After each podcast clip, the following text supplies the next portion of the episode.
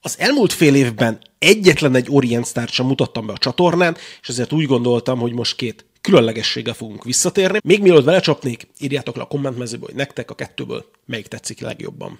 Az egyik egy mechanikus holdfázis kijelzéssel rendelkező éj-fekete és éj-kék számlapos óra feketített tokban, a másik pedig egy acél sportóra, ami a sarki fényt igyekszik megjeleníteni a számlapján. Hogyha ez érdekes számotokra, akkor tartsatok velem. Ez most a podcast formátum. A teljes érmény érdekében nézd meg YouTube-on, vagy a beszéljünkorákról.hu-n.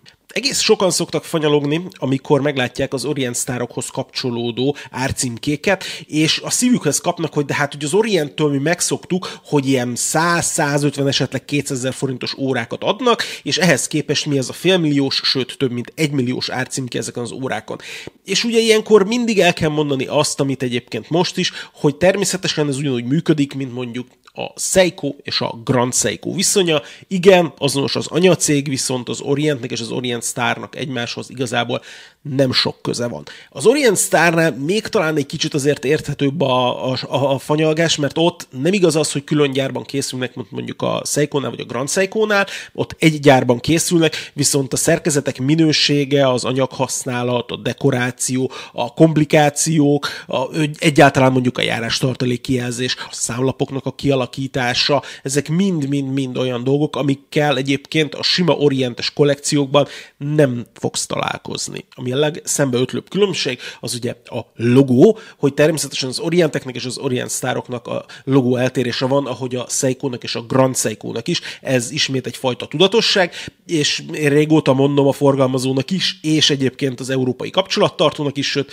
ezt múltkor az egyik japán fejes is hallotta, amikor megjegyeztem, hogy szerintem azért az Orient logóval kezdeni kellene valamit, valószínűleg nem fognak, ha megfognak, akkor sem az én megjegyzéseim miatt, de azért én megpróbáltam.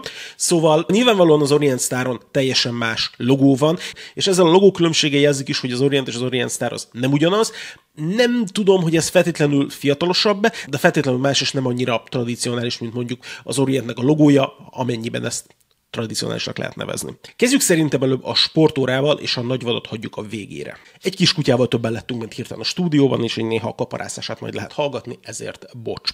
Mindkét modellen nagyon sok közös van, főleg az igényesség tekintetében, és abban, hogy mindkettő ilyen égi ihletettségű. Például megnézitek ezt a gyöngyház fényű, sötét kék és világos kék közötti árnyalatot idéző modellt, akkor az első dolog, ami az ember eszébe juthat, ez ilyen tenger jellegű dolog. Ugye egyébként e, ehhez a modellhez nagyon hasonló számlapos modell van már a kollekcióban, ott zöld színű a számlap. Ez más, ennek a hangulata is más, és egyébként én azt hittem, hogy valami régebbi modellt kaptam, de nem, ez annyira friss, hogy egyébként egy csomó kereskedőnél még kincs a polcokban, úgyhogy nagyon-nagyon új, ezért csak tipjeim vannak az árára, de gondolom kb. ugyanannyiba fog kerülni, mint az előző, technikailag nincs eltérés a kettő között. Ugye nagyon fontos a japánoknál, hogy ők általában mindig szeretik a sztorikat, a Grand Seiko-nál is minden egyes kiadásnak van sztoria, mint mondjuk például a White Birch-nek, vagy például az Orient Star-nál ugye a Moving Blue sorozatnak, itt, itt a sztori alapvetően egy ilyen sarki fényes naplementés történetet lehet belátni, de inkább itt maradjunk a tiszta sarki fénynél. Tehát azt mondjuk, hogy ahogy a nagy kékség a számlapnak a szélén, a tetején meg az alján, az maga az égbolt, és ami ott középen játszik benne, így gyöngyházfényekkel, meg mindennel, az maga a sarki fény, ami egyébként Magyarországon is lehet, lehetett látni az elmúlt néhány hétben. És ami az Orient Starkot ugye megkülönbözteti a, a sima Orientektől, az egyik a járás tartalék kijelzés, amit itt lehet is látni ugye a 12-es alatt. Ezen kívül ugye kis másodperc mutatóval operálunk, és nyílt szíves szerkezettel. Ugye ez nem szemiszkeleton, létezik egyébként a, a, ennek a sorozatnak szemiszkeleton változata is, de ez nem az, ott ugye még a, a 2-es, 3-as környékén még egy kicsit luggatva van a számlap, kicsit nagyobb a, a nyílt szívnél a, a dolog, és akkor így azt már rá lehet fogni. Igen, ott, ott az a, hát nem tudom, az, az nekem egyébként egy kicsit furcsa, hogy a Moving Blue-nál beszéltünk erről. Itt szerintem ez itt teljesen rendben van, itt nem tolták túl a skeletonizálást, mégis elég jó a hangulata az egésznek. Nagyon-nagyon-nagyon tetszetős ez maga a számlapnak a kialakítása, és hogy egyébként nem rontották itt el azzal, hogy most átszínezték másféle színükre az indexeket, a logót, vagy bármi mást. A, az mondjuk az egyetlen zavaró dolog számomra, hogy a billegő ugyanúgy sárga réz, tehát hogy az, az a szín árnyalatot egy kicsit elrontja, de hát nyilván ezzel dolgoztak, azért nem nagyon volt mozgásterük, az F7, F44 és 50 óra járás tartalékos szerkezet az ilyen billegővel készül, tehát gondolom így azért abba nem tudtak beleszólni, hogy erre a kiadásra srácok nem lehetne a billegőt lecserélni másra, nyilván lehetett volna, akkor nyilván nem ennyi lenne az ára, Úgyhogy, úgyhogy szerintem a számlapról alapvetően ennyit. A tok profilja szerintem igencsak pofás, bár sportóra és 100 méteres vízállóságos, mégsem menetes koronazáros, hanem csak ki- és bepattintós, de menetes a hátlemeze. A hátlemeze is, te, és természetesen előhátul zafír. Ha már így megfordítottam, idézünk el egy kicsit a szerkezeten. Ugye az Orient Starokba bekerülő szerkezetek olyan dekorációt kapnak, ami a sima Orientekbe nem kerülhet be. Itt azért látjátok a Genfi hasonló gépi kidolgozást magán a rotoron, és a perlázsolásokat pedig a főbb elemeken. Oké, okay, nem tartalmaz kékített csavarokat, azért ez mégsem az a kategória, amiben általában ilyesmit szoktak tenni, viszont ahogy nézem, a billegőn kívül egyébként így most elsőre nem látok más sárga színű fogaskereket, pedig ott még az egyik kereket, mintha egyébként lecserélték volna sima acél színűre, ez nekem egyébként végtelen szimpatikus. A rotorja egyébként szintén skeletonizált, de azért tartalmaz egy kicsit az Orient Starnak a logójából. Maga a szíja egyébként klasszikus három részes szíj. Ez a rajta lévő 20 millis szíj szélesség szerintem egy nagyon-nagyon kellemes méretű, és igazából a vége felé sem nagyon csökken, azt hiszem um, 18 mm mennek le a végszemnél, hogy a csatnál megint csak kiszélesedjünk 20 mm-re, tehát ez teljesen rendben van. Mikroállítási lehetőségek vannak a csaton, nincs rajta búvár kiegészítő, ahogy, azt, ahogy arra számítani lehet. Rendes scissor van rajta, ez is megkapta oldalt a kis keskenyítéseket. Ezek a belemart ívek nekem ilyenkor mindig nagyon-nagyon tetszenek. Egyszeres biztonsági zár van rajta, tehát nincs rajta a double security, de szerintem mivel nem funkcionális óráról beszélünk, ez így alapvetően teljesen rendben van. Maga az órának a vastagsága 12,8, ugye ezért is hívjuk sportórának, és mondjuk ezért nem játszhat más ligában. Magának a toknak a szélessége 40 mm, ami szerintem azért egy nagyon kellemes méretet ad. Ezt egyébként megint klasszikusan egy olyan órának kell hívni, amit, amit átmeneti órának szokták hívni, esetleg a, bár van ennek egy pejoratív felhangja, hibrid órának, abban az értelemben, hogy ezt fel tudod venni sportzakóhoz, mert azért öltönyhöz ugye alapvetően fémszíjas órát nem annyira illik, de föl tudod venni a hétköznapokban is, viszont vízisportoláshoz meg nem. Oké, okay, lehet benne tengerbe úszni 100 méteres vízállósága van, de én ugye azt szoktam tanácsolni, hogy a menetes koronazár alatti órát ne vigyünk medencébe, meg uszodába, mondom, technikailag lehet, és a specifikációk szerint is lehet, de azért óvatos lennék vele. Hogyha már valaki mondjuk félmillió forintot szán egy órára, akkor azért szeretné azt szerintem sokáig egészségben használni. Próbáltam húzni még az időt, de hát a nagyvadat mindenképpen meg kell nézni. Az a nagyon durva ebben az órában, hogy először, amikor kitették elém, hogy néztem, hogy ezzel így mi a fene történt. Hát fekete a számlap, fekete rajta minden, így nem látszik semmi, és ez egyébként valamennyire így is van, tehát így most a stúdiónak a szürke homályában én is csak nagyon keveset látok ebből, az egyébként szándékosan eget idéző sötétkék számlapról, a közepe sötétkék, és a kifelé pedig egyértelműen fekete.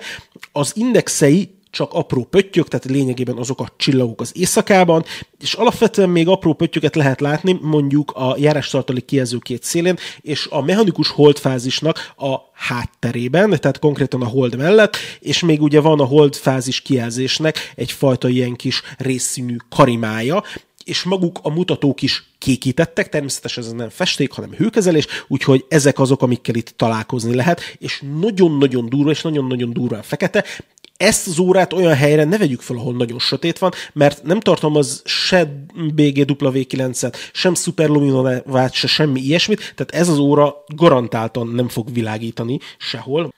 Nem, nem vertek át, tényleg nincs rajta. Jó, ezt tudtam enélkül is, hogy megnézem, azért általában el szoktam hinni azt, amit a forgalmazók mondnak nekem. Az órának ugye a hangulatát azzal dobták föl, hogy fekete bőrszín érkezik, az Orientnek a szokásos fordítva felfűzött csatjával, amiről nekem nagyvonulóan azt mondták az Orient sztáros vezetők, hogy természetesen fordítva is fel lehet tenni, hogyha valakit zavar ez a csat, de valamiért ez megszokott, hogy, hogy a fém csat a, ezeken az elegáns modelleken alul van, de egyébként a Grand is játszanak ugyanezzel, ez valami japán luxus dolog, amit mi egyébként szerintem nem érthetünk meg. A feketített tokja egyébként nagyon-nagyon-nagyon jó minőség és nagyon jó fogású, és iszonyatosan csillog. Tehát amikor csináltam róla a felvételeket, konkrétan figyelni kellett arra, hogy milyen szinten látszanak bele a perspektívikus dolgok, és hogy mennyire hátal kell nekem lenni, hogy ne látszak mondjuk bele a felvételbe, bár ez nem minden egyes esetben sikerült. A számlapja egyébként annál sokkal részletgazdagabb, mint hogy elintézzük ennyivel, hogy át ilyen kis fekete meg kék, ebben konkrét motivumokat is egyébként fel lehet fedezni, és természetesen ott vannak az indexek, de koron feketével a számlapon. Konkrétan ez nappali világosságban utcafénynél adja ki a legjobban magát ez az óra, és pont ezért is igyekeztem nem stúdiós sötétben, hanem kint világosan is forgatni róla, mert egyszerűen bűn volna nem megmutatni természetes napfénynél. Remélem, sikerült ebből sok mindent átadni, és nyilván ami még csillag a számlapon, az az Orient Starnak a logója, maga a felirat, és az Orient Starnak az automatik felirata és annyira sötét a számlap, hogy a, a dátummutatásról el is feledkeztem, tehát hogy természetesen tartalmaz dátumot is, amit a holdfázis elé tettek, tehát konkrétan van egy külön mutató a holdfázis mutatás előtt. Gyakorlatilag öt kék mutató van a számlapon, és a holdfázis. És az előző sportmodellhez hasonlóan ebben is egy 50 óra járás tartalékos szerkezet van, viszont ez az F7M65 névre hallgat. Ugye a, a holdfázisos komplikációt konkrétan bele kellett tenni, és a holdfázist egyébként a korona alatti kis vezérlő gomról lehet egyébként állítani. Ezzel kapcsolatban is azt ajánlják, mint amit korábban a dátum mutatóval kapcsolatban, hogy ezt ne nagyon állítgassuk este 9-es hajnali 3 között, ugyanis maradandó károsodást tud okozni a szerkezetben, hogyha ebben az időintervallumban állítjuk, úgyhogy napközben szabad a holdfázist állítani, éjszaka ne állítsuk, vagy állítsuk át a hajnali időpontról valamikor a délután, és akkor operáljuk ezt. Az előbb kiemeltem, hogy nem voltak kékített csavarok a szerkezeten, és innét is látszik, hogy ez a szerkezet egy más szintjét képviseli egyébként még az Orient Starnak is. Kékített csavarokat tartalmaz, minden lehetséges csavart kékítettek, ahogy látom. A perlázsolás ugyanúgy megvan a főalkatrészeken, és ugyanúgy megvan ez a Genfi csíkozásra emlékeztető csíkozás. Vannak benne egyébként fekete alkatrészek, már magában a tokban is, és érdekes, hogy a billegőnek is van egy ilyen kis érdekes színe, mint hogyha nem a klasszikus színezésű billegű lenne, aztán ez lehet, hogy csak a tok feketességéből származik. Skeletonizált maga a rotor, és átlátunk rajta. A főelemek egyébként nagyban hasonlóak. A rugóház fölött lévő kereket is átcserélték ilyen egyen acélszínűre, tehát az sem sárga. Úgyhogy itt is el lehet mondani ugyanazt, mint az előzőnél, hogy egyedül a billegő az, ami itt sárgálik a szerkezetből, semmi más. Kék, kék és acélszínű dolgokat láthatunk, meg persze a billegőnek a rubinját. Annak ellenére, hogy a két óra között kétszeres árkülönbség van, mégis ennek kisebb a vízállósága, de mint tudjuk, az ár az nem a vízállóságot követi. Ugye ez egy limitált modell egyébként, úgyhogy ez alapvetően ennek köszönhető. Különleges a szerkezet, különleges maga a tok, e, és maga a kiadás is. Egyébként globális 80 darabos limitációja van, és van még egy különlegesség benne, hogy nem kaphatják meg a nyugat-európai forgalmazók, és ennek van egy nagyon profán oka. A nyugat-európai forgalmazóktól származik az összes ilyen mutyis webshopnak a forgalma, az árukészlete. Tehát most itt, gond, itt nem akarom őket sorolni, de pontosan tudjátok, hogy melyikek ezek a csodálatos lengyel, szlovák és mindenféle érdekes áfával működő shoppok. Az ő árukészletük konkrétan néhány nyugat-európai kereskedőtől származott, és ők ki vannak tiltva ebből a teljes akcióból, úgyhogy, úgyhogy szerintem egyáltalán nem éri meg nekik. Ez az első, de valószínűleg nem az utolsó ilyen megmozdulásra az Orientnek. Ez egyelőre még csak presztízs, de a továbbiakban biztos, hogy komoly pénz is fog múlni majd ezen. És nyilván, amikor limitációk vannak, akkor ez az árban is megmutatkozik. Ez ma Magyarországon 1 millió 19 ezer forint. Szerintem én most ennyit szerettem volna ezekről az égi ihletettségű Orient sztárokról. Mondjátok el a véleményeteket, és hogy melyik tetszett jobban. Várom a kommentmezőben. Sziasztok!